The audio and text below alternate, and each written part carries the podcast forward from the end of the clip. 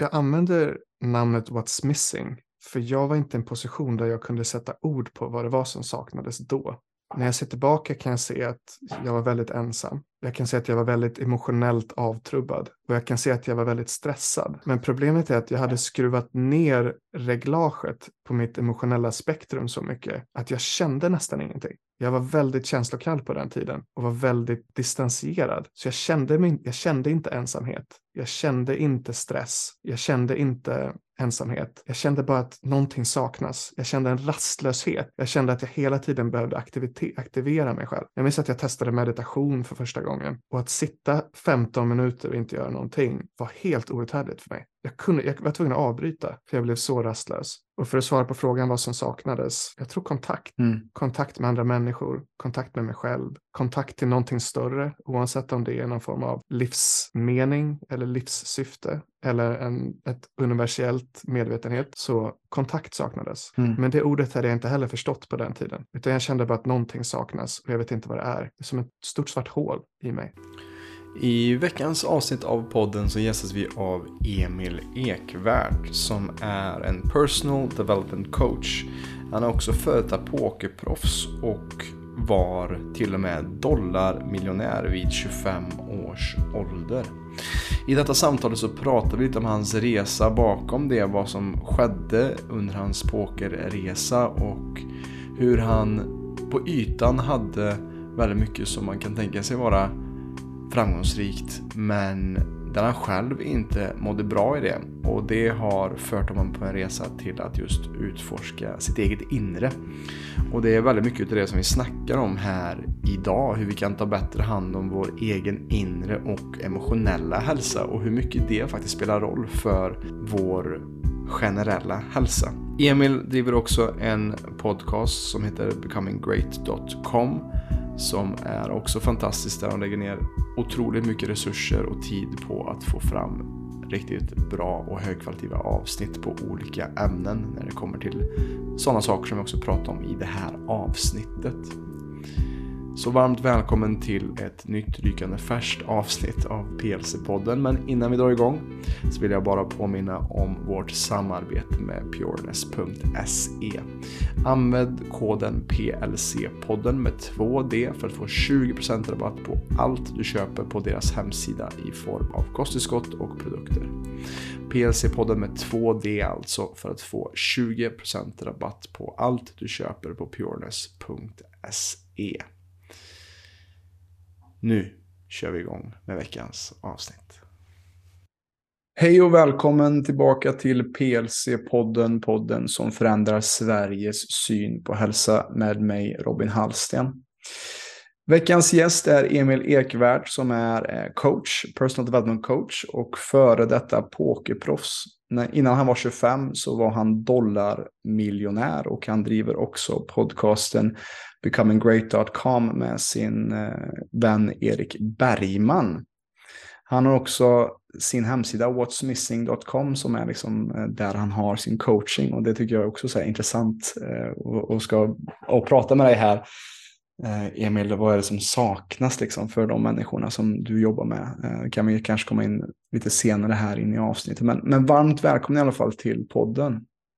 Tack så mycket Robin. Känns jättefint att vara här. Härligt. Och jag tänker kanske vi kan börja med det här som jag nämnde här i början. Att eh, det är intressant det här eh, för detta pokerproffs eh, och eh, den resan som du har gjort. Att, att du väldigt tidigt eh, eh, upplevde framgång i form av pengar och det materiella. Ehm, och till att se dig vart du är i nuläget. Skulle du kunna beskriva lite den resan eh, för de som lyssnar så man får en liten bakgrund om vem du är och vad du gör just nu? Ja, absolut. Så jag hittade poker när jag var 16. Och fram tills dess så var jag en ambitiös person i skolan, tyckte skolan var kul, var inställd på att bli civilingenjör eller någonting. Men sen när jag var 16 så hittade jag poker. Och första gången jag spelade var med några klasskompisar. Vi spelade ett home game. Och direkt gick jag in i som ett annat medvetenhetstillstånd. Där jag kände att jag hamnade i flow. Jag såg allting som hände. Jag älskade strategin, jag älskade psykologin, jag älskade matematiken, jag älskade att läsa människor, jag älskade spänningen, jag älskade gamblingen. Och jag fattade direkt att här fanns det någonting speciellt för mig. Det var en kombination av allting som jag är naturligt duktig på. Och jag ville spela mer. Problemet var att jag vann pengar från mina kompisar så de ville inte fortsätta spela. Så jag började hitta ett sätt att spela på internet. Så det enda jag ville ha när jag var 17 år i födelsedagspresent var 30 dollar eh, av min mamma i födelsedagspresent. Och det fick jag och spela på hennes konto då eftersom att jag var underårig. Och faktum är att allt jag äger idag är från de 30 dollarna. Och direkt när jag började spela på internet så då var jag helt förälskad.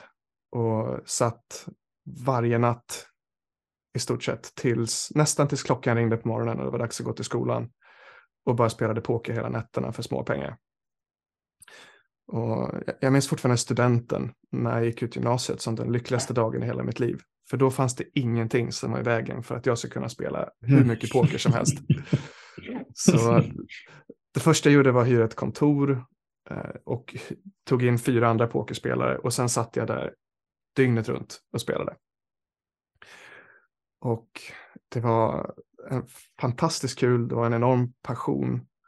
Men jag vet också att jag var driven av en hel del eh, prestationsångest, tror jag så efterhand. En hel del skam. Jag kände att jag hela tiden behövde spela, för jag kände att jag ville få ut så mycket som möjligt av det här. Jag ville bevisa mig, jag ville lyckas som pokerspelare. Och jag började ganska snabbt tjäna mycket pengar på poker. När jag var 19 så tjänade jag mer pengar än båda mina föräldrar tillsammans. Och varje dag jag öppnade min dator så gick jag plus minus 200-300 000 kronor. Oj, shit. Eh, så enormt stressig tillvaro. Jag drack 12 koppar kaffe om dagen. Jag sov nästan, jag sov väldigt lite. Enorm känslomässig press. Sitter vid datorn hela dagarna. Inga pauser. Och framförallt de ekonomiska swingsen då som 19-åring, man är inte tränad att hantera det, eller ingen är tränad att hantera det. Och jag hade ingen runt omkring mig riktigt som var i samma situation och ingen som kunde förstå mig. Så jag kände mig, jag kan säga att jag kände mig väldigt ensam i det. Och väldigt rädd när jag gick in i tunga perioder, när turen gick emot mig. Jag förlorade en stor del av det jag ägde. Och mitt enda sätt att hantera det på var att stänga av mitt känslospektrum.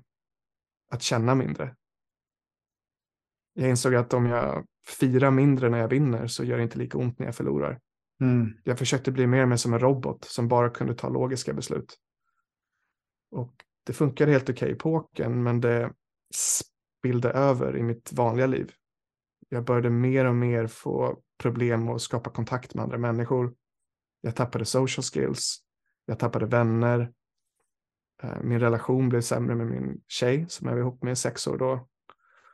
Och när jag var runt 24 någonting så um, lämnade hon mig. Och jag kan säga att hon var den som höll mig någorlunda eh, normal kan man säga. Eller inte normal, men hon höll mig... Flytande eh, kanske? Flytande, exakt mm. ordet jag letade efter. Och utan det så var mitt liv 99 procent poker. Och efter det när jag började gå in i fler downswings alltså pokerterm för långa perioder av otur. Det var som att hela livet bara var ett mörker.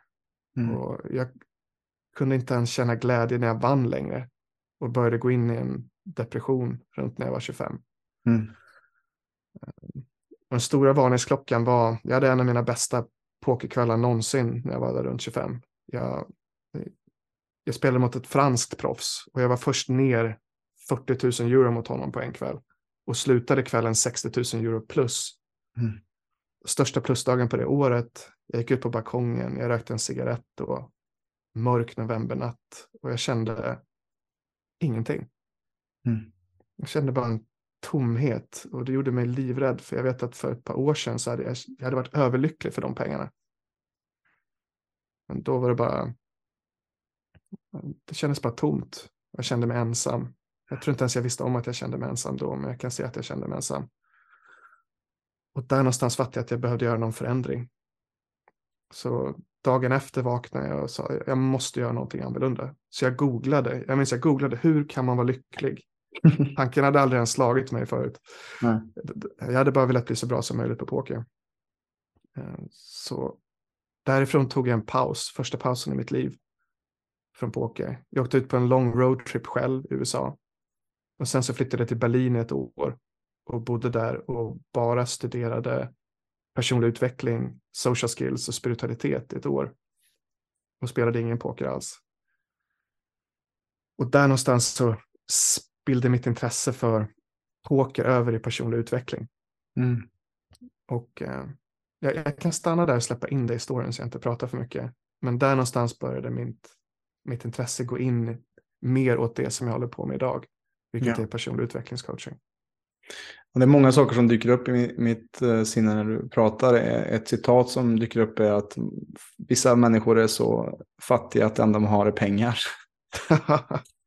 det lät som att, att du, du var i den situationen där när du var 25 och också eh, någonting som jag också mediterat över lite grann, eller när jag såg en dokumentär, jag kommer inte ihåg vad den heter, men den handlar också om en man som söker, liksom, mer, ger sig ut på en spirituell resa och han träffar någon i Indien, någon guru som säger att, att just egot måste kristalliseras först innan vi kan demontera det och börja liksom Aha, väldigt eh, intressant perspektiv. Innan vi kan börja det spirituella jobbet. Alltså att vi mm. måste uppnå det som, vi måste klättra upp för det här berget som alla säger ska vara lyckan. Alltså de här Eh, miljon, miljonerna på kontot eller det här huset eller uppnå detta först innan vi kan påbörja den riktiga resan inåt. Yeah. Och det låter som att det var liksom som ett uppvaknande för dig här när du stod på balkongen och tog den här äh, vinstsiggen och kände absolut ingenting. Att du hade offrat så mycket i din resa på vad som inom citattecken är framgång för så många människor att ha pengar och välstånd man hade offrat så mycket på den resan. Uh, och det tycker jag är så intressant när jag, när jag såg en hemsida så här, What's missing? Så, så min nästa fråga är, vad, vad var det som saknades där för dig när du vaknade upp den dagen efter att ha vunnit, gått nästan plus då en, uh, vad blir det, en miljon svenska kronor då på en, en natt då? Mm. Ja, jag använder namnet What's missing för jag var inte i en position där jag kunde sätta ord på vad det var som saknades då. Mm. När jag ser tillbaka kan jag se att jag var väldigt ensam. Jag kan se att jag var väldigt emotionellt avtrubbad. Och jag kan se att jag var väldigt stressad.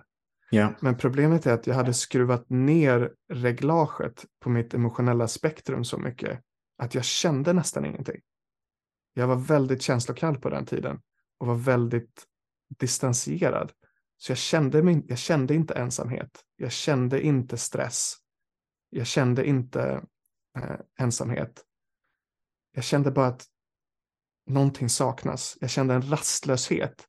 Jag kände att jag hela tiden behövde aktivera mig själv. Jag minns att jag testade meditation för första gången. Och att sitta 15 minuter och inte göra någonting var helt outhärdligt för mig. Jag, kunde, jag var tvungen att avbryta. För jag blev så rastlös. Just det. Och för att svara på frågan vad som saknades jag tror kontakt. Mm. Kontakt med andra människor, kontakt med mig själv, kontakt till någonting större, oavsett om det är någon form av livsmening eller livssyfte eller en, ett universellt medvetenhet. Så kontakt saknades. Mm. Men det ordet hade jag inte heller förstått på den tiden. Nej. Utan jag kände bara att någonting saknas och jag vet inte vad det är. Det är som ett stort stort svart hål i mig. Och jag, jag, tror att, alltså jag kan själv känna igen mig i det. Och, och jag tror att många som lyssnar kan också känna igen sig i det. Som, eh, och jag ser det också i många mina klienter också det här eh, att, att de är stressade. Oavsett om de har mycket stress externt i sitt liv så skapar de intern stress för att det är någonting de springer ifrån. Det, det är eh, något, oupp, um, något trauma som är ouppknyt, knyt, ja, att man inte har läkt sina egna trauman eller saker från sin barndom eller, eller familjerelation till sin mamma eller pappa som, eh, som spelar ut i en vuxen kropp även fast det är långt gånget, alltså att man, man har kommit ifrån just barndomen. Eh, och, och, det är någonting som är så otroligt viktigt för så få människor inser hur mycket den emotionella naturen är viktig för att vi ska kunna läka och bli hela människor. Och, och eh, jag har precis lyssnat på den boken The Myth of Norman med Gabor Mate och hans jobb eh, kring trauma är ju så intressant här just hur även sjukdomar kan manifestera sig i vår kropp för att vi har en, en tanke eller en felaktig tanke om vår omvärld som driver oss till att stressa ihjäl oss eller stressa oss till sjukdom eller stressa oss till att som du satt, sitta uppe med, med skam och skuld och dricka kapp, äh, kopp efter kopp efter kaffe och inte ta hand om sin sömn. Ähm, att, att vår mentala och emotionella natur kan då manifestera sig i fysiska sjukdomar för att vi inte tar hand om den fysiska kroppen. För att vi eh, saknar, som du säger, jag tror kontakten med dig själv framför allt. Och det är ju det, alltså, vi kan inte möta andra människor om vi inte har varit i djup kontakt med oss själva. Vi kan bara möta människor från den eh, frekvens och nivå av kontakt som vi själva har mött oss själva. Ja. Så det, det, märker du säkert också och som jag också gör ju mer jag växer och mognar i, i, i mitt egna liv. Att ju, ju mer jag växer i mig själv, ju mer inre jobb, desto mer eh, utvecklas också mina vänskaper och det blir mera djupare kontakt ju mer, ju mer den resan fortgår och när vi är medvetna om vart är vi på väg och vad det är vi vill åstadkomma oss själva. Vad, vad tänker Abs du kring det? Absolut. Ja, det är mycket av det jag drivs av idag. Men på den mm. tiden så kändes det bara som trams som var i vägen för att nå dit jag ville nå. Ja. Men jag tycker det är väldigt intressant det du säger om kroppen. För det har varit en väldig gåva för mig på, på min resa, speciellt senaste åren. För när jag ställde om till personlig utveckling, det var inte så att jag helt plötsligt släppte mitt ego, utan samma del i mig som kände mig otillräcklig och stressad och hade prestationsångest började nu att försöka bemästra personlig utveckling och spiritualitet i rekordfart. Just det. Och återupprepar samma mönster fast med ett mer spirituellt lingo. Mm. Så ett par år in på den resan så började jag få jättemycket problem med min eh, nacke. Egentligen nog hela kroppen och ryggraden, men jag hade fick väldigt mycket smärta i nacken på min högersida till en nivå att det kändes som att hela nervsystemet ströps. Så jag hade, eh, det började för fem år sedan kanske. Och det började med att jag inte kunde vara vid datorn någonting. Då fick jag helt outhärdliga smärtor. Mm. Och så fort jag, jag var i, jag har haft riktigt ont i nacken, alltså mellan kanske fyra och sex av tio varje dag ja. i fyra, fem års, fem års tid. Och jag kan se att det som har krävts för att få kroppen att sluta spänna sig dra ihop sig på det sättet är att jag den har tvingat mig att sluta forcera mig själv. Mm. Den har tvingat mig att behöva stanna upp, bli mer naturlig, bara ta action när det kommer som en genuin lust för mig. Och den har helt, helt tvingat mig att sluta vara vid datorn till exempel. Tvingat mig att vara mycket mer i naturen tvingar mig att vara mycket mer i stillhet så att jag kan identifiera vilka impulser som kommer inifrån mig kommer från eh, prestationsångest, en koffeininducerad stress eller ren lust eller någonting annat. Mm. Så kroppen kan vara väldigt, jag ser, jag har fortfarande lite ont, jag är inte helt klar med den läkningsresan. Men nu är jag på en plats där jag verkligen kan se gåvan i att kroppen reagerar på det sättet. Och det kanske låter lite klyschigt, men för mig känns det som en djup sanning. Att jag mm. verkligen är tacksam över den transformationen jag har kunnat göra tack vare att kroppen har manifesterat det här symptomet. Ja. ja men, eh, jag, jag ser också det här, alltså, just att eh, många kanske klagar på en smärta man har i kroppen och inser inte att det är en del av en själv och att, att det är en del att man har också en stor del i det. Eh, och på engelska så finns det ett uttryck som jag älskar som heter every wound is a womb. Alltså att varje sår vi har är också som en mm. livmoder som håller liksom kraft för någonting större. Och, och att genom smärtan, alltså det, det är ju inte när vi sitter på en strand och har en pina colada i handen som vi gör förändring, utan det är ju när Eh, till exempel som du också beskrev med när din, din tjej gjorde slut också och det är, det är inte förrän man har nått botten eller man nått, det här mörkret eller smärtan som man faktiskt gör det här kanske jobbiga beslutet att nu måste jag faktiskt eh, göra någonting annars så kommer det här mörkret konsumera mig helt och hållet. Ja. Eh, och, och, då finns det ingen annan väg upp, vägen upp liksom ur det där hålet eller från den smärtan. Att om jag ignorerat det nu så kommer det förgöra mig. Ja.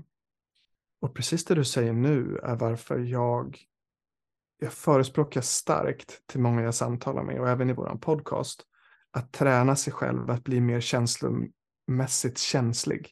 Mm. Att vara bättre på att känna, att bli skickligare på att känna subtila nyanser. För i så fall kan du låta känslosystemet kurskorrigera dig innan det behöver bli en sån tydlig korrigering. Ja. Typ som outhärdlig smärta i nacken eller mm. någonting ännu värre. Just det.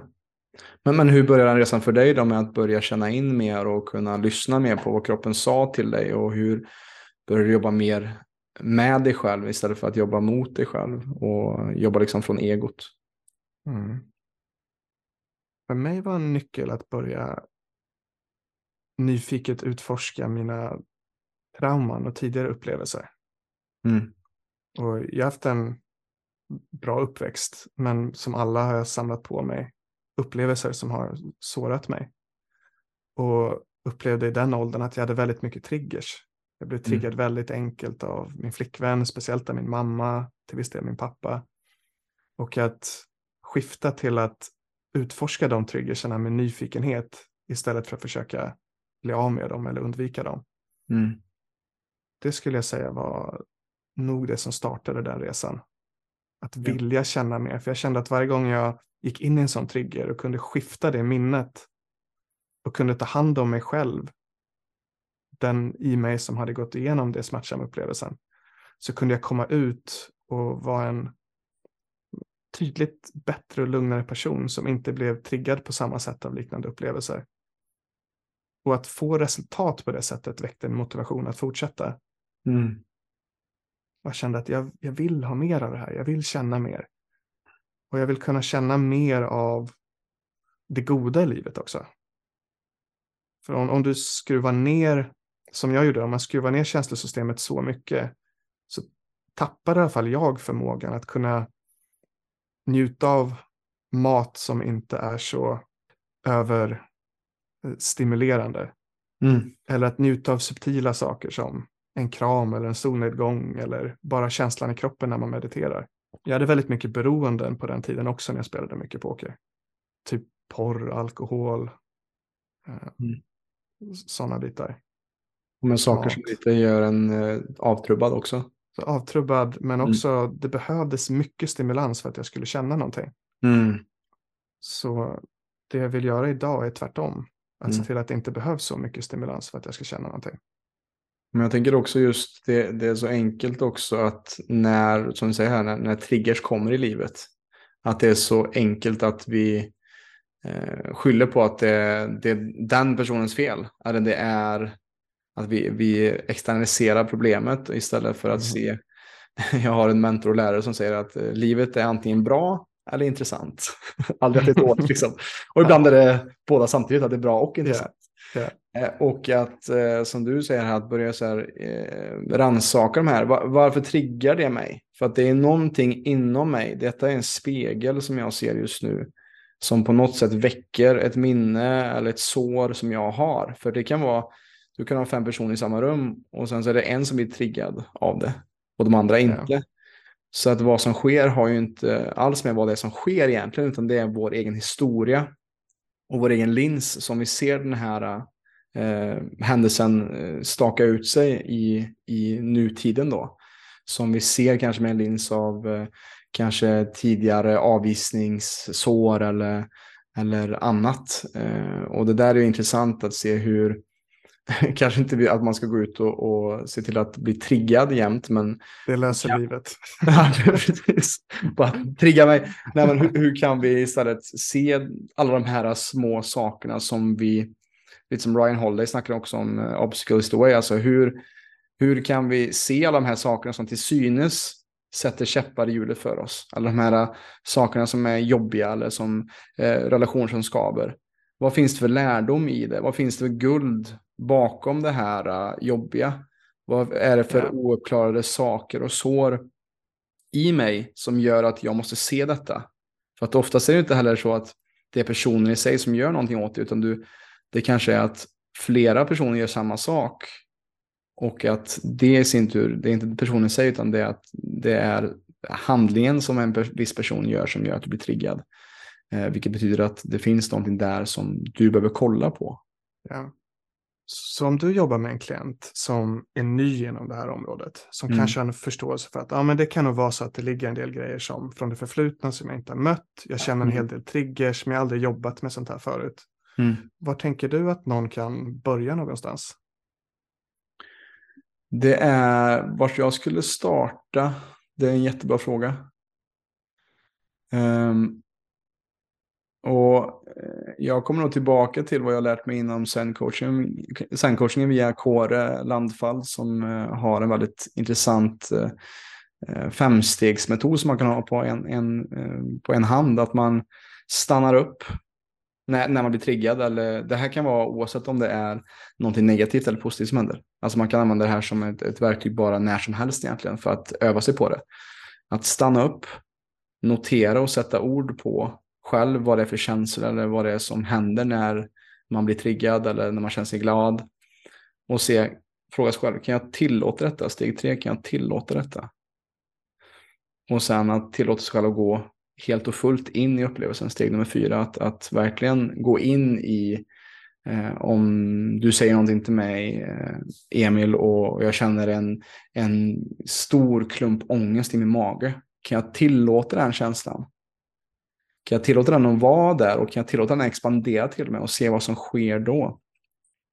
Oftast vad som sker när vi stannar upp och tillåter de här jobbiga känslorna eh, är att oftast så är de där för att visa oss någonting. Alltså att, att komma med ett budskap och oftast vad jag märker också i de klienterna när jag väl gör en sån här övning med dem, där jag leder in dem i detta, så, så märker de oftast, eller jag märker också det i mig själv, att den här känslan skiftar ganska fort när den väl blir, får bli sedd och hörd. Eh, och vad som annars sker är att vi går i motstånd och clinch mot den här känslan, vilket gör att den bara blir större och större för att vi inte ser den, vi inte vill se den, vi försakar den, vi trycker in den i skuggorna och, eller trycker bort den här känslan. Och, och, och det vet jag själv att jag hade själv ett eh, problem i många år med det är intressant nu att jag, en del av mitt jobb är nu att använda min röst, jag gör podcast och sånt. Och för jag hade också en rädsla av att uttrycka mig helt fullt och sant.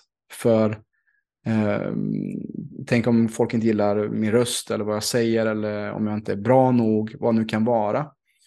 Och många gånger under den här resan så eh, innan jag insåg det själv, hur mycket självcensur jag gjorde på mig själv, så hade jag oftast liksom en tjock känsla i halsen. Och men det, var inte att, det var inte att jag var sjuk eller, eller ont i halsen, men det var bara att jag försakade mig själv och censurerade mig själv. Och att, att det fanns någonting inom mig som ville bli uttryckt, men som inte jag vågade helt, helt och hållet uttrycka. Um, och på samma sätt så ser jag också som vi har pratat om här, att, att just det, det mentala kan också manifestera oss i det fysiska. Att, att det här kunde också hållit mig tillbaka ännu mer och kanske också blivit någonting som gjort att jag stängt ner min kropp och inte vågat vara öppen och visa, våga vara mig själv. Och, och det är någonting som, det är inte så att jag alltid vågar vara mig själv 100% men jag har lärt mig att bli mer öppen och, och våga mer eh, öppna upp mitt hjärta. För att det är också, rösten går ju via hjärtat ty tycker jag. Alltså om vi ska verkligen mm. uttrycka oss från vår själ och vårt innersta så är det viktigt att vi låter vårt hjärta få utlopp ut via, som jag visar nu i videon här, ut via halsen och ut genom munnen. Yeah. Um, för det är där också vi kan nå människor från hjärtat när vi, när vi vågar vara oss själva. Så jag vet inte om jag har besvarat din fråga där. Mm. Men, men mm. det är intressant att höra vad du, vad du tänker kring det också och vad du kanske skulle tillägga om det är någonting du tänker på där också. Mm. Jag gick in i min egen tankebana där, för jag har mm. precis det du beskriver med halsen och en hajt känsla där. Mm. Att inte riktigt våga uttrycka mig själv. Eh, det har jag fortfarande utmaningar med. Mm. Och ja, det är en grej som jag aktivt eh, jobbar på och tillåta mig själv att uttrycka mig, mig fullt. Mm. Men det är ofta när jag går in i coachingsamtal eller en intervju så, här, så får jag någon sorts rosslig känsla som jag inte alls har i livet annars. Mm. Så det, jag snöade in lite på den tanken. Mm. Men för att komma tillbaka till det du sa om trauma där. Eh, jag gillar de fem stegen. Eh, jag har en process som är ganska lik. Och när jag tänkt på vad någon kan göra så jag tror att det viktigaste är att jag tror det är viktigare att man gör någonting för att rikta fokus inåt med nyfikenhet och att vara kvar med känslan istället för att ja. vilja trycka bort den. Ja. Och sen exakt sen vilka steg det är eller vilken process tror jag spelar mindre roll. Bara att man vågar göra det och vågar utforska sig själv med nyfikenhet och vågar stanna kvar i det jobbiga så tror jag att man kan lista ut det med tid. Mm. Jag tror att det finns flera olika processer som kan funka. Precis. Ja, och, och, alla sätt som funkar är ju bra. och att inte att det finns bara ett sätt. Och, och, bara att kunna vara i det och kunna se det gör ju också att, eh, att eh, istället för att man skyller på, för att det kan också vara så att jag har klienter som snackar om vad som hände för 10-20 år sedan. Och så åt, alltså man pratar om det som att det händer i nutiden. När, mm. när det kommer upp en känsla eller någonting. Ja, men det är på grund av det här. Och ibland så kan det bara vara så att den här känslan, den är bara kopplad till nuet och behöver inte ha någonting med dåtiden att göra. Men för att du har en så stark associationskänsla med dåtiden så drar du in hela din dåtid i nuet och, och gör att, att, att det läggs som en, ett stort filter över eh, att du ska kunna känna frihet och lycka och, och hälsa också mm. i nuet för att vi har inte släppt taget om det förflutna. Yeah. För, för det är ju som, som jag lyssnade också på någon podcast att eh, när du och Erik träffades på något eh, eh, pokerevent där när ni har varit ifrån varandra länge så såg han att det, det var något som hade hänt med dig. Liksom, att det var att du hade gjort meditation och yoga och det är det som är så basalt med meditation till exempel. att Eh, och alla egentligen spirituella traditioner på ett sätt är att, att komma i kontakt med nuet. Alltså i nuet, om vi kan släppa taget om det som är bakom oss och det som är framför oss, så kan vi släppa ångesten över, över eh, framtiden. Eh, och just det som kanske deprimerar oss över, över dåtiden och bara se vad har jag i nuet? Yeah. Och hur kan jag eh, se magin i nuet istället för att bära på bagaget från det förflutna eller blir tyngd av vad det är jag behöver göra imorgon. Yeah. För, för att det, det också tar också iväg dagens liksom, lycka eh, där, där vi är just nu. Verkligen. Ja, meditation är en av de viktigaste verktygen jag har plockat upp mm. på, på min resa. Jag har gjort det nästan varje dag i, i tio år nu. Wow. Och det mm. gör väldigt mycket för, väldigt mycket för välmåendet. Mm. Jag uppskattade verkligen det du gjorde innan vi började den här intervjun. Du sa vi tar några minuter i tystnad här så, du kan släppa, så vi kan släppa förväntningar. Mm. Ja, det kändes så skönt att bara kliva in. Försök, I alla fall försök, det är klart att jag inte jag lyckas inte med det fullt ut. Jag känner fortfarande en del press och förväntningar. Jag vill att det här ska bli bra. Mm. Men att kunna släppa lite av dem i alla fall skapar mm. en, en lätthet. Ja. Och den känslan av lätthet för mig är ett tecken på att man är på väg åt rätt håll. Mm. Ja, men det, det, är därför, för att det är därför jag gör det själv också, för att släppa egen pressen på mig själv. Att nu ska jag hålla en podd och nu ska det vara perfekt och bra. Och inser det att jag inser det mer och mer i mitt liv, ju mer jag vågar släppa på att inte ha ett krampaktigt grepp över hur min framtid ska se ut. Mm. Eller hur det här podcastet ska se ut. Eller den här livesända meditationen ska hålla ska låta eller tas emot så kan det bli ännu bättre än vad jag någonsin har planerat.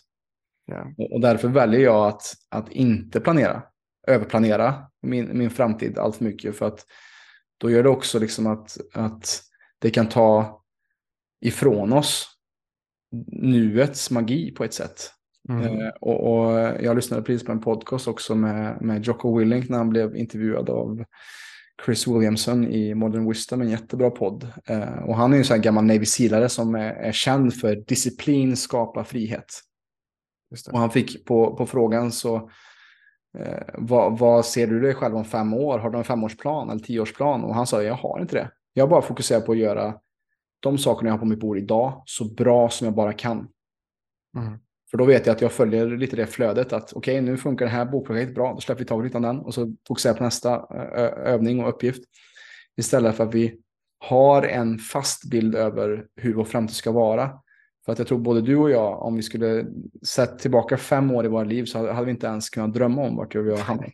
Nej, nej. Eh, och, och, för att också den bilden som jag har av vart jag är om fem år, den är också begränsad av dagens Robin som inte har gått igenom och växlat upp och, och utvecklats eh, de här fem åren. Det, det, det, går aldrig att se vart, vart man kommer att hamna. Och för mig blir det också så, här så enkelt att hur kan jag göra den här dagen så bra som möjligt? Hur kan jag upprätthålla eh, en bra, liksom, hur kan jag ta hand om den här eh, rymddräkten som jag har fått tilldelad och hur kan jag underhålla den på bästa sätt? Eh, och ta hand om min hälsa, för det är ju den enda sanna välståndet i min mening är ju liksom vår egen hälsa, vår egen fysiska hälsa. Så hur kan jag göra det så att jag är så bra eh, rustad för att ta mig an alla de här eh, utmaningarna som sker, eh, som kommer att ske. Att eh, medvetet möta kanske motstånd eh, genom till exempel kallbad eller göra saker som är, eller meditera som ibland kanske kan verka tråkigt eller eh, komma ut i skogen. Alltså göra saker som eh, dagliga saker som gör att jag håller mig flytande och, och som utmanar mig som gör att jag när undermedveten stress kommer att jag kan möta det för att jag har slipat mitt svärd dag efter dag ja. i, i varje nu. Ja. Men det där är en ständig kamp såklart. Alltså det, jag, jag, jag fastnar ständigt framför de här Instagram reel och eh, ibland så kanske jag går och lägger mig lite för sent. Eller, men, men det är också viktigt att, att också ha empati med sig själv i det också. Ja. Det har varit en väldig gåva med den här nacksituationen. Att jag, inte, jag kan knappt använda min telefon, jag kan knappt vara på datorn. Så mm. jag har blivit tvingad att ta en paus från allt det där. Mm. Och jag kommer säkert återinföra det. Men det är intressant att bara få uppleva hur det är att vara utan ett tag. Mm. Och se att det väcker... För mig så skapar det en annan känslighet igen för det subtila. Mm när det finns mindre sån hyperstimulans in i vardagen. Ja. Jag är nyfiken på en sak. Så vi båda verkar ha fått ut väldigt mycket användning av vår meditation. Mm. Och jag pratar ofta med en klient där jag ser att Åh, jag bara önskar att den här personen fick 20 minuter om dagen och sätta sig ner och andas. Mm. Men jag kan också se att så som han eller hons liv ser ut just nu så är det väldigt, jag kan inte lägga på någonting. För det är redan fullt. Någonting måste tas bort. Ja. Så om, om du tänker att du har en klient som är fullbokad. Tänker du att försöker du få in meditation i en sån persons liv? Eller hur tacklar du ett sånt problem?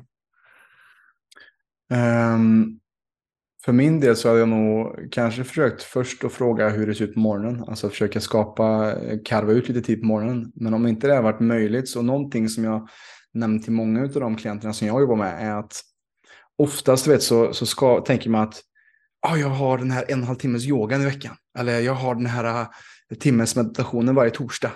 Då kan, jag, då kan jag släppa taget, eller då kan jag vara det. Och jag bara, ja ah, men vänta lite här nu. Om du hela tiden längtar efter det här äh, och, och du ser det som en extern sak. Hur kan vi istället internalisera meditation? Hur kan vi göra det till en, en daglig frekvent eh, företeelse? Eh, ett av mina bästa tips är bara skriv en post-it-lapp på din dator där det står andas. Mm. Eller hur kan du göra varje sak i, i din vardag på ett mer lugnt och harmoniskt sätt? För det i sin tur kommer ju skapa det här lugn. Alltså för att meditation, det är, jag brukar säga det är, tränings, det är träningsgrunden, det är bootcamp. Men ja. det är, hur kan vi brygga det meditativa tillståndet in till vår vardag? Det är ju där den riktiga, riktiga utmaningen börjar.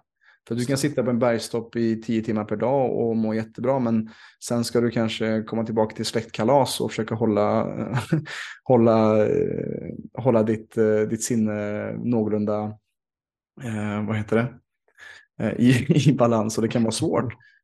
Eh, och, och hur kan vi då istället göra saker med andakt? Hur kan vi göra saker med Eh, eh, alltså hur kan vi också bara, som jag brukar säga, hur kan, vi få, hur kan du bara sätta på en timer eh, några, dag, några, några gånger per dag. Där när den timern går så tar du liksom tre djupa andetag. In och ut genom näsan eller in genom näsan och pustar ut genom munnen. För att de där tre andetagen kan göra mer än vad du tror. Och sen så också bara medvetenheten kring att du gjort tre djupa andetag gör att du kommer att fortsätta förmodligen göra ett par minuter i samma takt för att du blir medveten om, om det här. Um, så att vi inte stressar till den här punkten av avslappning. Utan hur kan vi eh, integrera meditation? Hur kan vi integrera mer medvetenhet? För att det är där all stress kommer ifrån. Det är ju när vi är på väg någonstans. Vi gör någonting för att vi ska komma till nästa punkt i, i vår schema. Hur kan vi istället landa in mer och kanske också planera in mer luckor i vår vardag. Istället för att det ska vara bam, bam, bam, timme för timme. Hur kan du ha fem minuter mellan dina möten kanske? Kan du istället, eh, som jag brukar säga, att eh, tacka rödljusen i, i trafiken. Eller eh, också att hur kan vi, eh, när, istället för att försöka vara sen, eller att man tänker, ja men jag ska inte vara för tidigt till möte för jag vill inte sitta och vänta på någon. Använd, kom tidigt till möte, kom fem minuter tidigt och så landa i dig själv. Använd de minuterna och tacka varje person som kommer någon minut för sent att oj, nu fick jag tio minuter för mig själv. Men då är det också viktigt att vi inte kanske som vi oftast gör, vi tar upp mobilen och börjar scrolla när vi har den ja. tiden. Så vi har så mycket tid.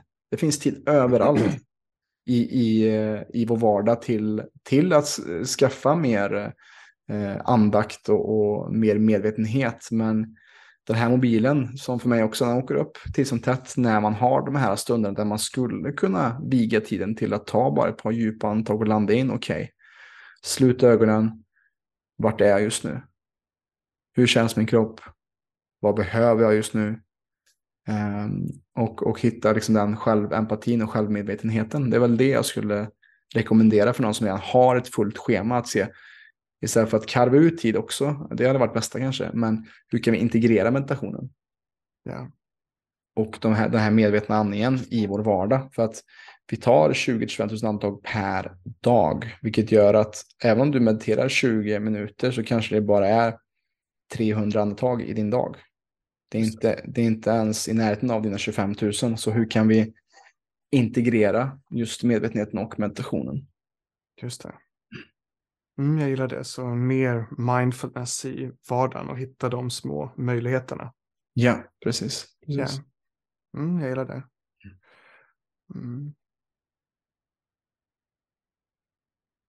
Ja, jag, jag, tror det är en bra väg. Jag brukar också se om vi kan ta bort saker mm. som lägger på stress när det inte är nödvändigt. Ja. Som kanske är om någon är väldigt överväldigad och skulle behöva hitta mer balans, komma ner från stress, att kolla på vart har jag mycket stimulans i mitt liv? Är jag väldigt mycket på min telefon, dricker väldigt mycket kaffe, kollar jag väldigt mycket porr, dricker väldigt mycket alkohol? Eh, kan jag kanske ta en paus från det tills jag är i balans och sen återinföra det och se vad som funkar för mig? Mm. Kan jag dra ner mängden podcasts jag lyssnar på? Kan jag istället för att kolla en blodig film kolla en lätt serie eller kanske ingenting alls på kvällen? Ja. Kan jag kanske minimera mängden socialiserande jag gör temporärt för att få mer space för mig själv och kunna ta en promenad i naturen? För att hitta tillbaka till en plats där man är i balans då. Mm. Hej allihopa! Jonas här. Då jag vet att många i samhället upplever utmaningar kring sin hälsa men inte riktigt fått hjälpen de behöver så har jag lagt upp ett kostnadsfritt webbinar för dig som inte är medlem. I detta webbinar kommer jag prata om vanliga grundorsaker bakom konstant trötthet, låg energi, sömnsvårigheter, magbesvär och värk. Och du kommer även få mer info om hur vi på PLC jobbar för att åtgärda detta. Du hittar mer info om webbinariet i beskrivningen till detta avsnittet. Men med det sagt så tackar jag för mig Tillbaka till dig Robin. Ja, men för det, det har jag också sett, det, det, det som du är inne på är för att vara frisk i dagens samhälle så handlar det inte om att göra mer utan det handlar som du säger att skala av och ta bort. Alltså, Ja. alltså vi är en överstimulerad eh, varelse eller en art idag eh, där det är överstimulansen, alltså 95% av alla de, eller egentligen alla ska jag säga, som jobbar med oss eller som kommer till oss är på grund av stress eller utbrändhet eller vad det nu kan vara och då behöver vi mer en, en yin-faktor kanske. Ja. Eh, Och sen också vill jag lägga på det som du sa där också med om det är porr eller kaffe eller vad det nu kan vara eller, eller sociala medier. Vad är det för tomrum du försöker fylla med porren, sociala medierna eller, eh, eller saker som, vad, vad är det för någonting som du flyr från när du använder det? Vad är det för, eh, vad är det som sker när du bara bingar Netflix eh, Mm. dag efter dag? Vad är det du faktiskt flyr från att, kolla på i dig själv eh, som du kanske egentligen faktiskt skulle behöva möta? Ja. Det är också viktigt tror jag. Eh, För jag tror vi alla har tendenser att, att fly från det här mörkret som vi varit inne på och pratat om. Eller, eller fly från smärtan in i någonting Ja. som gör att vi glömmer bort det bara för en stund. Och det kan göra så ibland, men inte hela tiden. Nej, precis. Ja, jag skulle också säga att om man, om man ändå gör det, om man tänker jag ska inte kolla porr, jag ska inte scrolla och så gör man det ändå, Mm. att efter att ha gjort det valet, att ändå inte vara för hård mot sig själv. Mm. Att inte vara för självkritisk, för det, det är det läget som mer skam föds. Och det är det som gör det där tomrummet starkare. Mm. Om man istället kan vara empatisk och omtänksam mot sig själv i det läget när man har fallit dit på en dålig vana. Ja. Så blir det lättare att hålla uppe sin självkänsla, att undvika att halka dit igen. Mm. Och vad, vad skulle du säga? För jag vet, jag har gjort en podcast på det ämnet ju just eh, empati och självempati. Vad, vad skulle du säga eh, behövs i ett sånt läge där man kanske är väldigt kritisk? Där man har en inre kritiker som är, är tuffare än någon extern kritiker? Ja.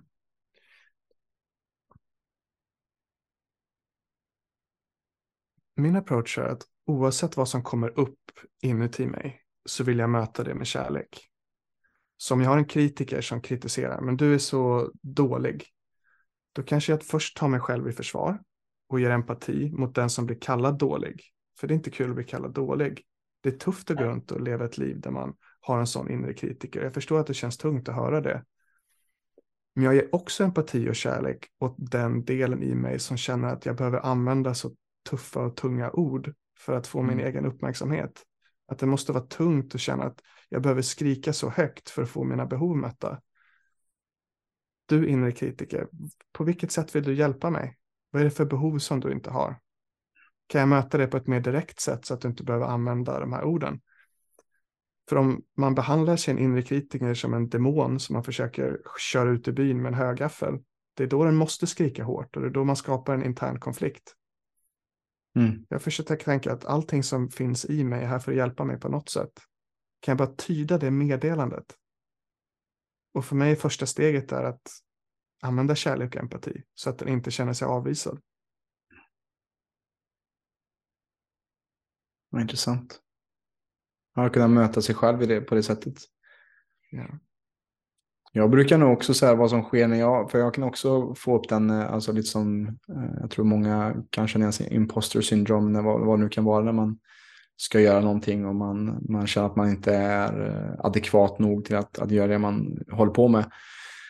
Eh, och då brukar jag ibland bara typ, lite så här bara nicka till och typ så här skratta lite. Jaha, där kom, där kom den tanken igen och där kom den känslan av att ja, där kommer den, att, att jag inte är bra nog eller att jag eh, inte duger till eller att jag inte har tillräckligt mycket kunskap för detta eller vad det nu kan vara.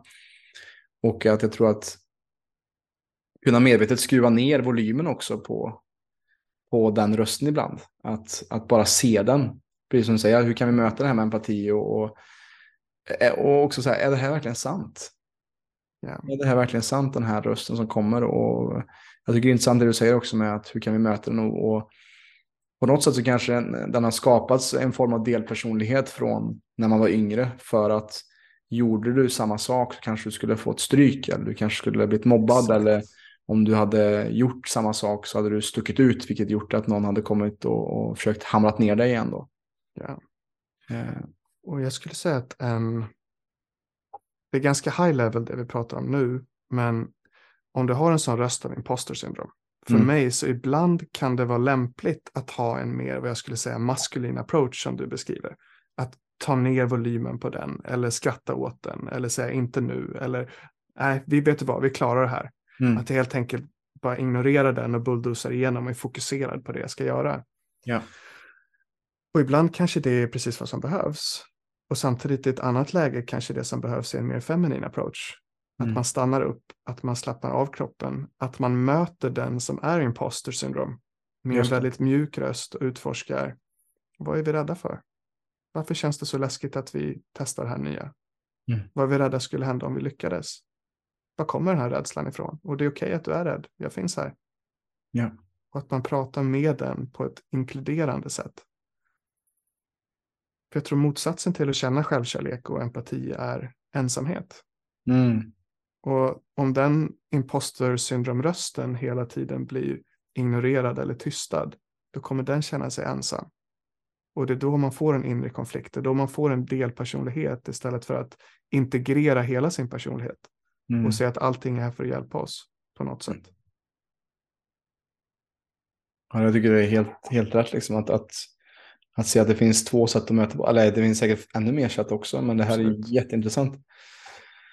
Och, och där är också så, på tal om det här maskulina och feminina som du beskrev i, i när du var yngre då, när du var mer maskulin i din, i din driv av att, att eh, bli pokerproffs och, och tjäna de här stora pengarna.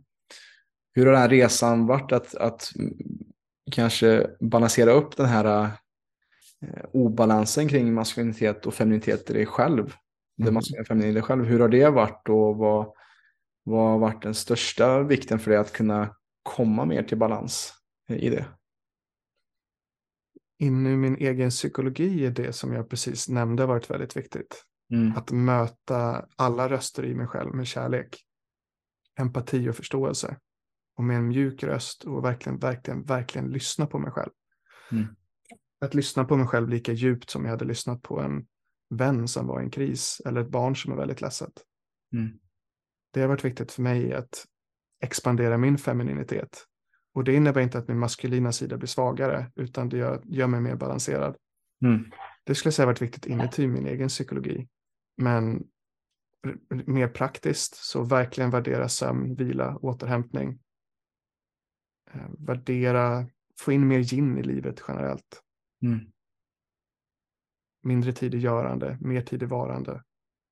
Mer tid i naturen. Ja.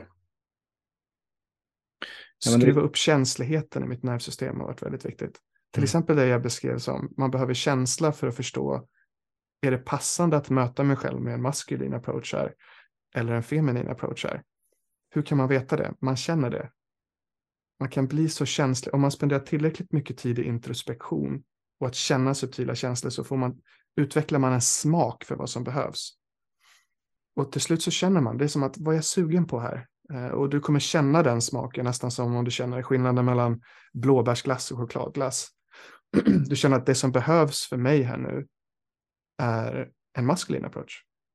Eller du känner att det feminina smakar surt här, det är inte det som behövs. Mm. Men det är subtilt. Mm. Ja, och jag känner också igen- den obalansen du beskriver. Att, eh, att, och jag tror det är väldigt vanligt för män också i tidig 20-årsålder, alltså på väg till innan man blir riktigt vuxen. Just att ehm, jag tror att mer, mer, mer, mer skulle, skulle vara svaret på min utveckling. Eh, men det Ja. gjorde att i, i slutändan så hade jag allt för mycket på min agenda och hade knappt tid till mig själv eller till vänner eller till att ens komma i säng i tid och så vidare. Eller att laga min egen mat och ta hand om mig själv. Ehm, och det där är ju, jag tror, någonting som vi ser också med våra klienter. Att, att det är ju att man är för mycket i det maskulina eller för mycket i, i yang-energi. Att man Ja. har också, man, man ser inte så här att jag ser det att den, den styrkan eller det som gör att jag blir stark idag är ju för att jag tar hand om min sömn. Jag ser till att komma ut i naturen. Jag ser till att få till eh, bastu eller saker som, som vi kallar work-in eh, i, i PLC-språk.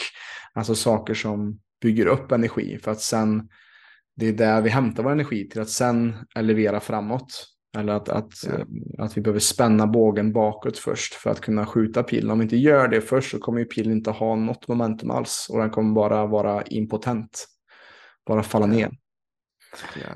Ehm, så det, det är så otroligt viktigt att vi lär oss att integrera det. Och det är ju en ständig balans för mig också. Att veta när pushar jag för mycket. När behöver jag faktiskt slappna av och skapa mer tid för återhämtning. Ehm, för att också, jag ser också när de gångerna när jag har tagit sig tillbaka ibland och vilat så har saker kommit till mig istället för att jag måste kämpa för att de ska manifesteras framför mig. Ja. Jag gillar det du sa om att vad som behövs för att du ska vara starkare. Jag tror en Mm. viktig del är att inte... Mitt maskulina när jag var 20 bara bulldozade över det feminina och sa ingen plats för vila och känslor och sånt där trams, vi ska hitåt. Mm. Och det hade varit en fälla om det feminina hade gjort samma sak med det maskulina och Mm. sagt att nej men nu måste du vila eller nu måste du ta hand om Mm. dina känslor och relationer. Utan en nyckel för mig har varit att se att, att få det maskulina att se att vi kan faktiskt ta oss fram på det mest effektiva sättet om man tänker långsiktigt genom att skapa en balans. För om jag inte mår bra, om jag inte sover, eh, om jag inte är i kontakt med mina känslor och allt det vi har pratat om i den här podcasten, så kommer jag inte komma så långt. Utan Mm. jag kommer köra full fart ett par år och sen så tar det stopp. Ja. Så att få med det maskulina på och se att balans är snabbaste vägen fram Mm. på sikt. Ja, men jag, jag brukar säga det om jag möter på det också så här med, i, i klienter eller med andra människor så um, brukar säga det att, att grunden till att till exempel jag som också har sprungit väldigt långa sträckor eller ultralöpning och sånt och, och nyckeln till det är att jag ger mig adekvat med återhämtning och sömn och mat emellan de här äh, galna strapatserna. Ja. Alltså, alltså att tillåta mig själv att verkligen vila och bunkra upp med energi innan jag gör av mig av med den. Det är inte så att jag langar maraton efter maraton efter maraton, utan det måste finnas integrering och tid emellan där. Eh, och det är det som gör mig starkare. Det är meditationen som gör mig starkare och att jag kan ge mer på gymmet. Eh, eller bastun som gör att, att jag kan eh, finna reflektion och, och träna min viskositet i min, min kropp. Eller bara Mm. slappna av. Det är det som gör att jag har mer energi när det väl, när det väl är go time. Istället för att Ja. jag ligger och maxar varvtalen på, på instrumentbrädan hela tiden. Då kommer jag inte, när det väl gäller, kommer jag inte ha det där lilla extra. För att jag inte har gett tid för yin-aspekterna och det lugna i livet. Verkligen. Ja, och du är medveten om det som är så duktig på hälsa, men jag tror en viktig sak att komma ihåg är att man, om man lever ett så stressat liv som mitt fall med pokern kanske var ett extremfall. Men under de första sju åren så spelade jag mellan 12 och 15 timmar alla dagar i veckan i sju års tid. Jag är säker på att under de sju åren så visst, jag tjänade mycket pengar, som du nämnde i introduktionen, en miljon dollar. Och det är jätte, jättebra betalt per år. Men jag tror att på de sju åren så tror jag att jag åldrades 14 år. Mm. Jag tror att jag dubblade hur mycket av mitt lifespan som jag åt upp under den tiden. Ja. Med den livsstilen. Så jag tror egentligen var min timlön hälften av det. Mm. Fortfarande jättebra. Men det känns ändå värt att tänka i de banorna. Hur mycket en sån stressad livsstil påverkar ens lifespan. Och människor är väldigt dåliga på att tänka på det. Man tänker åldrande, det är, jag skiter väl i om jag lever till jag är 70 eller 80. Men det som händer är att du stretchar ut hela din tidslinje. Mm. Om man återhämtar sig, då får du mer tid som 20-åring, mer tid som 30-åring, mer tid som 40-åring. Ja. Man åldras långsammare. Ja, precis så att, att på något sätt så, så skapar det också en nota för framtiden. Att det är någon som måste, någon måste ta konsekvenserna av de här 12-15 timmarna. Med stackars axel. Precis, nacken och axeln. jag. Ja, precis. Att, Ja. att det, det är någonstans när vi tar de här eh, snabba lösningarna, quick fixen som vi ser också. Vi, anledningen till att jag tror att eh, medelåldern på de som jobbar med oss är eh, ja, oftast över 40. Eh, eller är för att man har under så många år, som du beskriver, att man kanske har gjort det 7, 10, 15 år. Man har fyllt livet med många quick fixes och inser att oj, nu har jag prövat alla quick fixes och det finns ingen annan väg här än att börja kolla på de här grundprinciperna som vi kanske snackar om på PLC. Eh, att, att då har man försökt lura sig själv för länge. Och då finns ja. det liksom ingen annan väg än att börja se vad kan jag faktiskt göra och hur kan jag faktiskt gå till grunden och botten till mina problem och vad beror de på. Ja. ja. Och jag är också intresserad, Emil, eh, jag kollar på en video här inför detta avsnittet att eh, hur du jobbar oftast med dina klienter är att du går från värderingar till mål och rutiner och i den mm. ordningen. Mm. Mm. Kan du beskriva för de som lyssnar varför börjar du med värderingar och, varför har du den ordningen på, eh, på saker och ting? För att oftast kan det vara att folk sätter oftast kanske målet först. Ja, ja. Och kan du, kan du beskriva din, din tankebana där kring varför du sätter värderingar först och sen kommer mål? Just det.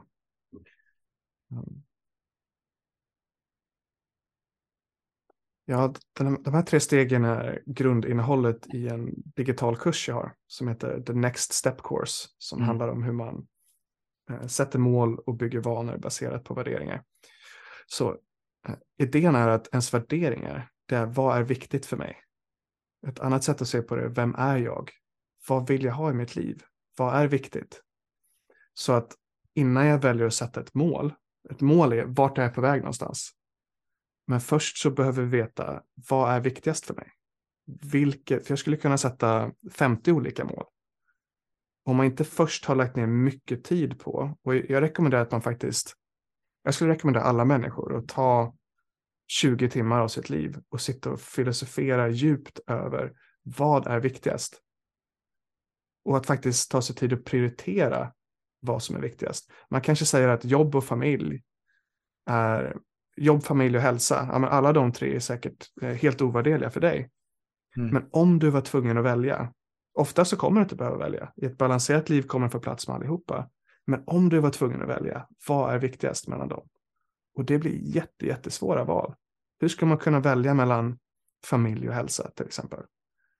Men att ändå ha gjort det valet och ha en uppfattning om vilka är mina topp 10 värderingar och i vilken ordning gör det mycket lättare att sen ta beslut på vilka mål ska jag sätta. Eh, och gärna sätta mål då kring de viktigaste värderingarna. Och sen vanor blir ett sätt att nå de målen. Mm. Värderingar är vem är jag? Mål är vart ska jag? Och vanor är hur kommer jag dit? Just det. Jag tycker lite som att det är lite som Simon Sinek säger, liksom att, att starta med varför. Alltså mm. lite som vi också vill gärna få de som vi jobbar med också att, att börja med vad är din dröm? Alltså vad, varför ska du ens äh, förändra ditt liv? Var, var, varför gör du det? Och har vi inte en stark nog dröm eller en, ett starkt nog varför så kommer vi oftast inte nå dit. Alltså om det bara är för att få plats i bikini till sommaren så är det kanske inte ett, ett eh, grundat mål eh, som kommer att manifesteras för att istället för att tänka att ja, jag gör det här för att undvika eller som, jag kan ta till exempel min mamma som exempel. Hon, eh, när hon blev eh, mormor så, så kom, kom hon på att shit, jag har svårt att ta mig upp för, för golvet här. Jag behöver göra en förändring om jag vill kunna leka och vara frisk mormor för mina barnbarn. Det. det. var en, ett starkt nog varför för henne att jobba om lite i sin kost och, och, på så sätt gå ner lite i vikt eh, för att hon skulle bli friskare och piggare som mormor jämfört med att hon skulle komma in i en bikini till sommaren. Ja, och så hade det... hon haft ett år innan den insikten sett en träningsplan bara på en, i en så här hälsotidning och testat det så hade inte hon alls haft samma driftskraft att, att nå det målet. Precis. Och, och, det är det, har vi inte en tydlig nog dröm så är det oftast det som både du och jag nog märkt i våra liv så är det det här mörkret som dikterar förändring. Mm. Istället för att vi blir inspirerade av att se framåt och vad det är vi vill drömma mot. Så väntar man, eller så blir det att man blir passiv för att man inte vet. Och de flesta vet inte vart man ska. Som jag också såg, du, du beskrev i en video, att många vet inte vart de vill eller vart de ska. Och inte funderar på det ens. Ja. Och då blir det liksom att man bara lever, man bara man bara överlever dagen och sen så eh, kanske möter man på ett problem längre fram och, och då blir det liksom att, att då är det kanske rädslan eller mörkret eller eh, när man nått botten som blir vår drivkraft istället för om man hade startat med att förtydliga sina värderingar och se vad är faktiskt mina drömmar? Vad är, vad är mina drömmar som jag faktiskt vill nå? Och låta sig bli inspirerad av de drömmarna. För då kan vi också eh, i många fall också undvika de här eh, mörka eh, stunderna också. För att vi eh, istället för att bli eh, tagna av mörkret så kan vi bli inspirerade av ljuset av våra drömmar istället. Ja, verkligen. Att ha en positiv motivation hela tiden, att man går mm. mot någonting man vill ha istället för bort ifrån mörkret. Är otroligt viktigt. Ja, exakt. En annan jätteviktig grej för mig med värderingar också, det är att lika viktigt som att veta vad du vill ha är att veta vad är inte så viktigt för mig. Mm. Så att man inte lägger massa tid på sånt som är halvviktigt. Ja. Ett bra sätt att inte nå sina mål är att ha för många mål. Mm. Ett bra sätt att inte lyckas bygga nya vanor är att försöka bygga för många vanor samtidigt. Ja. Så i den kursen jag har då, så baserat på värderingarna så hjälper jag kursdeltagarna att sätta eh, de allra viktigaste målen. Men man får bara ta eh, en till tre stycken. Mm. De andra är mål som man inte får ta action på. För det som händer annars är att om du har någonting som är väldigt viktigt för dig, du har en dröm, om det är någonting som är värt att ha så innebär det förmodligen att du kommer behöva lägga in en del energi och investering i den innan det börjar bära frukt. Mm. Och under den processen så kan det bli tufft och du kan känna resistans i den processen. Och när det börjar kännas tufft, säg att du vill, vad ska jag hitta på, du vill lära dig spela piano. I början så är det skittrist. Du håller, lär dig ackorden och du bara får ont i huvudet och det låter inte som en riktig sång. Och du har en ganska tuff läroperiod tills du kan spela piano och det är kul och du kan sjunga till. I den delen av lärarkurvan är det väldigt lätt att sluta och hoppa till ett annat mål som mm. Inte är det allra viktigaste för dig. Men det är en roligare del av lärarkurvan. Just det. Så många bara hoppar runt mellan olika mål och slutar så fort det börjar bli tufft. Så det är sant för mål, men det är också sant för vad du spenderar din tid på. Mm. Till exempel en sak som jag har insett genom att göra mina värderingar är att socialiserande tycker jag är kul, men det är inte något av det allra viktigaste för mig. Så jag vill hålla mitt socialiserande lite mer minimalistiskt och spendera mycket tid med de som betyder allra mest för mig. Mm. Det är en värdering jag har och i det så blir det lättare att säga nej. Och det är också en jättestyrka med att veta sina värderingar och det är inte så att jag aldrig går på en fest eller på en middag, men jag känner mig mer bekväm med att säga nej, för jag vet att jag värderar andra saker högre. Ja. Och, och för att tillägga på det så, eh, för de som lyssnar som inte vet vad deras dröm är eller vart de vill, så kan det vara en lika bra uppgift att skriva ner vad är din mardröm? Vad är det värsta som kan hända? Och, och på så sätt då, för det är nog ganska tydligt, man vet nog vart man inte vill. Då, då, då kan man också eh, på något sätt skapa sin bild av okej, okay, vad, är, vad är mitt emot? Vad är, vad är tvärtom mot de här sakerna som jag inte vill uppnå? Och då får man en tydligare riktning och en tydligare bild av vad, vad som kan vara eh, klokt att fokusera på och sätta riktning mot. Eh, men det där är jätteviktigt som, som du säger också, vad, att veta också, för då, då blir det också när man får en förfrågning om någonting, om det är att eh, någon fest eller, eller om det är vad det nu kan vara, någon som vill träna med en eller ligger det här i linje med mina värderingar, ligger det här i linje med vad jag vill skapa?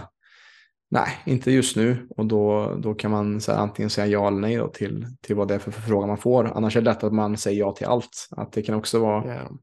eh, en fallgrop som inte tar en någonstans. Att man är, eh, vill bara vara folk till lags och säga ja. Eh, och ett, ett ja eller ett nej till någon, det är inte, det behöver inte vara något personligt mot personen som frågar egentligen. Nej. Ett nej kan vara ett ja mot dina drömmar. Ett nej kan vara någonting som, som föder mer tid till att du kan sitta vid pianot. Eller som, som ger ett nej för dig Emil kan ju vara att säga nej till en större fest kan vara att då har du mer tid till uh, den här uh, lunchen med en, en god vän där ni kan prata om vad ni vill eller som, som verkligen berikar dig och som får dig att bli inspirerad till att skapa en ny sån här mastodontpodd som jag vet att ni, ni skapar med jämna mellanrum. Yeah. Alltså, alltså att se att varje, varje aktion och handling som vi gör tar ju oss någonstans. Ja. Och är vi inte noga med att veta varför vi gör vad vi gör så är det också svårt att, att hitta en, en röd tråd och en linje till att skapa ett liv på ens egna villkor eh, som, som i sin tur då kan hjälpa kanske andra människor i det långa loppet om du, om du hittar en mission som är värd att kämpa för till exempel. Ja, verkligen. Mm. Och så fort vi säger ja till saker som känns sådär så säger vi nej till det som betyder mest för oss. För det Mm. får bara inte plats i schemat. Nej, precis. precis. Och ja, det, det också blir en del i den här what's missing-känslan Mm. över tid. Mm. Precis, och, och vad, vad känner du är viktigast eller vanligast med, med de du jobbar med, med eh, som, som hittar in till What's Missing? Eh, Mm. Liksom, vad, vad är det vanligaste du ser som, som behövs i, för dem som kommer till dig? Jag börjar oftast med någonting liknande som ni gör med era klienter. En liknande, det var fem steg ni kör. Eh, grundprinciperna? Eller? Grundprinciper, ja, se- jag, sex, eh, sex, sex principer. grundprinciper. Ja. Jag har ett liknande process jag gör först, ofta för att hitta lågt hängande frukter. Mm. Men annars så, det jag mest samtalar om är kommunikation. Mm. Och jag tycker kommunikation är så intressant för att lära sig kommunik- kommunicera med empati är relativt lätt att göra. Mm, Jag skulle verkligen rekommendera att kolla det avsnittet vi har i vår podcast om empati i becominggreat.com-podden. Den är tre timmar lång och vi tog tre månader på oss att skapa den, så det är mer Mm. som en ljudbok än någonting annat. Ja. Men bara lära sig de grundprinciperna blir verktyg som man kan använda både med sin partner, med sina barn, på jobbet och med sig själv i sin inre dialog. Så det är otroligt användbart och tar inte så mycket tid att lära sig. Mm. Så det lär jag ofta ut eh, där det är passande. Eh, Men sen också mycket det som vi var inne på nu, eh, värderingar, att kunna få bättre koll över sin tid så att man gör sånt som faktiskt är betydelsefullt. Ja. Mm. Vad mer? Något som är väldigt vanligt är, för jag coachar mycket entreprenörer, det är att ha lagt på, att ha så mycket ansvar och tyngd och vara så upptagen att det inte finns tid för reflektion eller en emotionell process. Och utan reflektion och emotionell process så är det mycket svårare att se eh, vart mår vi dåligt någonstans. Vart ljuger jag för mig själv? Eh, Det är svårt att se positiva saker man hade kunnat tillföra till sin partner, till sig själv. Det blir mycket svårare att navigera i livet på ett effektivt sätt. Mm. Och det jag ofta ser de som kommer till mig är att de kan vara väldigt, väldigt upptagna men inte speciellt effektiva Mm. och väldigt trötta. Och det blir en ond cirkel av det Ja. som vi ofta kan bryta genom att kunna göra emotionella processer och reflektera mer effektivt i samtalsformen. I och med att ja, jag är dels oberoende men också kanske mer erfaren än många inom personlig utveckling. Så det är väldigt viktigt att se det. Ja, just det. Att, att, det kommer tillbaka till det vi snackade om, just att ha självempati till sig själv också. Att, att kunna möta sig själv i ehm, att inte ha skapat en, en vardag där man har byggt upp allt för mycket måsten och, och krav. Ja. Ja. Ja. Sj- Självempati är ett ord jag tycker väldigt mycket om. Mm. Och det kan göra jättestor skillnad i en persons interna värld. Mm. Att börja använda ett språk med sig själv som hela tiden bygger upp ens självkänsla och självkärlek istället för att skapa intern konflikt. Likt det vi var inne på tidigare i den här podcasten. Just det. Precis. Och, och du har ju verkligen gjort en resa, Emil, med, med din hälsa. Eh, kan man ju nog säga de här 10-15 åren som har varit eh, liksom, från det att du började med pokern och, och den biten. Um, och jag tycker det har varit ett jätteintressant samtal här också och, och podden ämnar sig ju lite grann åt, eller det är ju det den ämnar sig åt, att förändra hur vi ser på hälsa och för att, för att skapa konversationer som dessa som, så att folk kan ta inspiration från att hur vi kan bli bättre och ta hand om oss själva bättre. Jag tror många har fått med sig väldigt mycket från den här podcasten. Men vad, vad ser du själv skulle behövas kanske mer på ett eh, större plan i det svenska samhället för att vi skulle kunna må bättre? Större plan så jag önskar att jag hade fått lära mig mer av hälsa och emotionell intelligens i skolan. Mm. Jag kan se att det hade sparat mycket lidande för mig. Mm. Mm. Ja, men kommunikationsträning, spiritualitet eller att förstå vad... Ja, men spiritualitet hade jag gärna sett i skolan också. Mm. Och kunna lära, lära barn hur man utforskar större frågor i livet Mm. på egen hand utan att det behöver vara en religion eller en ett dogmatisk lära som man eller ett, alltså ett trosystem som man tar in utan att ha liksom, reflekterat över det själv och som man inte riktigt förstår. Just det. Vad mer på större skala? Hade det inte varit fint om man la skatt på socker och subventionerade sallad? För att, för att översimplifiera verkligheten. ja, precis. Jo, absolut. Jag tror jag, jag tror jag är för dum för att kunna förändra ett helt samhälle. Men jag kan alltid drömma. Mm. Ja, men, tror inte alls, ja, jag tror inte, du verkar vara en väldigt smart person. men, men jag skulle säga att det, det är väl lite det som varför vi gör det vi gör också. För att, eh, att det finns en längtan i att eh, man, man ser det, det jobbet som man själv gjort och som man fortfarande är på. Det, det är inte så Mhm. att vi någonstans är klara och perfekta och, och de här sakerna som vi pratar om kan också vara koncept som vi själva brottas med. Det är inte så att vi har eh, tagit studenten kring detta utan att det är saker vi pratar om för att vi eh, upp, upplevt och, och, och inser själv hur mycket det har påverkat våra egna liv. Och jag tror det är därför också vi väljer att jobba med det här. Alltså att vara coacher, att vara guider för andra eh, på individnivå för att kunna hjälpa folk att bli mer eh, integrerade med sig själva oavsett om det är sin hälsa eller eh, kring eh, sin emotionella, andliga, spirituella, fysiska hälsa. Alltså att, att hjälpa varje person är viktig. Eh, och det är, ju, det är ju så vi gör det på stor skala, är ju att börja på individnivå. Exakt. Och, och den resan börjar med oss själva först och främst. Exakt. Eh, att, att gå den vägen själv. Eh, och det är ju den, den tuffaste, för det är bara vi som kan göra det.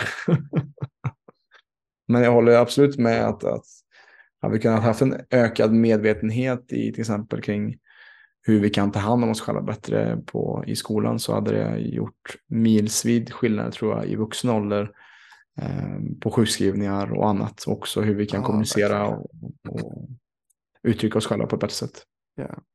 Jag önskar också att vad som är status kunde skifta från att vara, ja men, om det som är status idag är mer pengar och framgång, att det kanske kan vara att man har gjort sin läkningsresa, att man är medveten, Mm. att man eh, driver något projekt som bidrar till andra runt omkring sig. Ja. Att det kan bli mer en definition på status. Och jag tror att vi är på väg dit. Mm. Förhoppningsvis. Och, och jag är ju så intresserad, det känns som det har hänt väldigt mycket för dig de senaste fem åren. Kan du ens drömma om vart du är om fem år, Emil? Vart, ser du själv i din egen resa? Eh, jag vet, vi snackade också om hur svårt det är att uh, föres, förespå det också, men Ja. vart, vart vill du just nu? Vad är det du har för dröm och, och mål just nu med ditt liv? Jag trivs väldigt bra med det jag gör med coachningen. Mina Mm. klienter är generellt väldigt nöjda. De flesta som börjar med mig vill fortsätta. Jag känner mig väldigt uppskattad.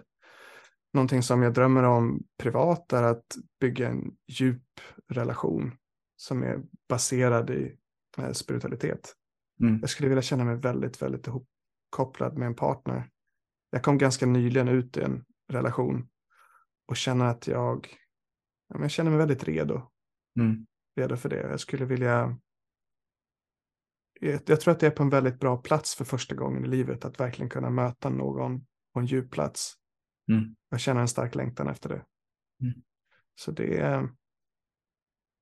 är jag nyfiken på vad som kan växa fram eh, närmaste åren och se hur jag kan använda det som jag har lärt mig av min livsupplevelse för att så småningom bygga en familj. Mm. Vi, han gör podcaster med Erik. Vi bor grannar här i Sickla i Stockholm. Okej. Okay. Mm. Så vi har som, och min mamma bor här också, min bror. Så vi har som en liten eh, community. Och Erik mm. har precis blivit pappa. Så mm. Jag är nyfiken på hur det är att bygga en, en relation och en familj på en plats där man gör det mer som en community.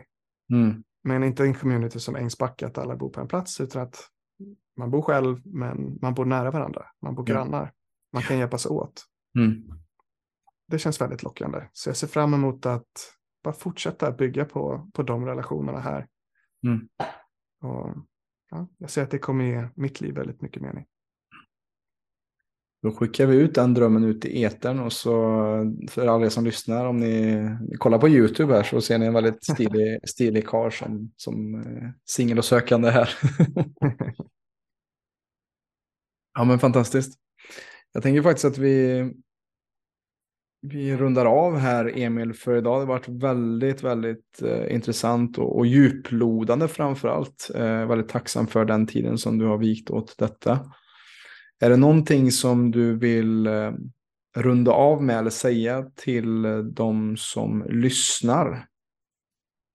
Någonting som jag vill finna tillit till i mig själv och som jag tycker är ganska läskigt att våga lita på är att våga lita på den här inre, den inre lusten, den inre rösten, den inre känslan av att det här vill jag göra, det här känns kul, hit vill jag. Och att våga leva på ett sätt där jag tar action på det, men jag behöver inte känna att jag behöver forcera mig själv ytterligare. Mm.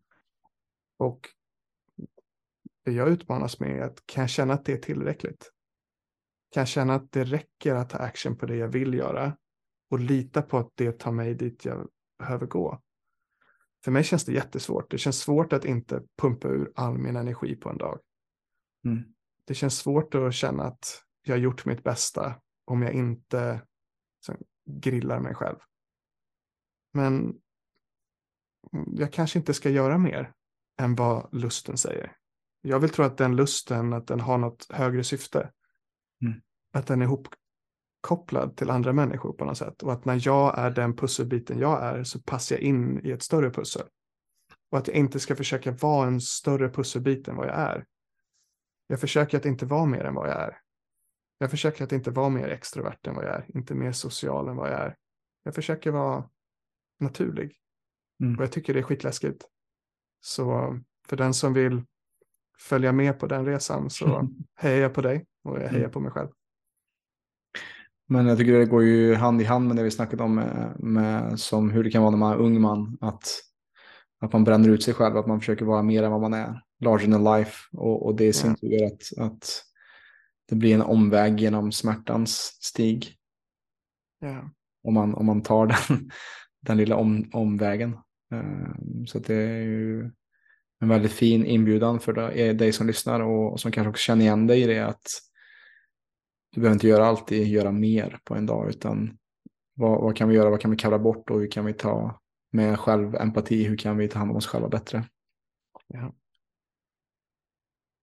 Tack för det Emil och vart hittar folk dig på sociala medier, hemsida och den här podden som vi snackat om till exempel?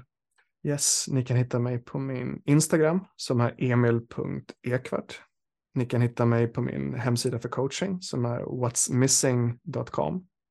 Och lyssna jättegärna på våran podd. Jag och Erik lägger 100 timmar på varje avsnitt, speciellt på de nyaste avsnitten i becominggreat.com heter den podcasten och den kan ni lyssna på överallt där det finns podcasts.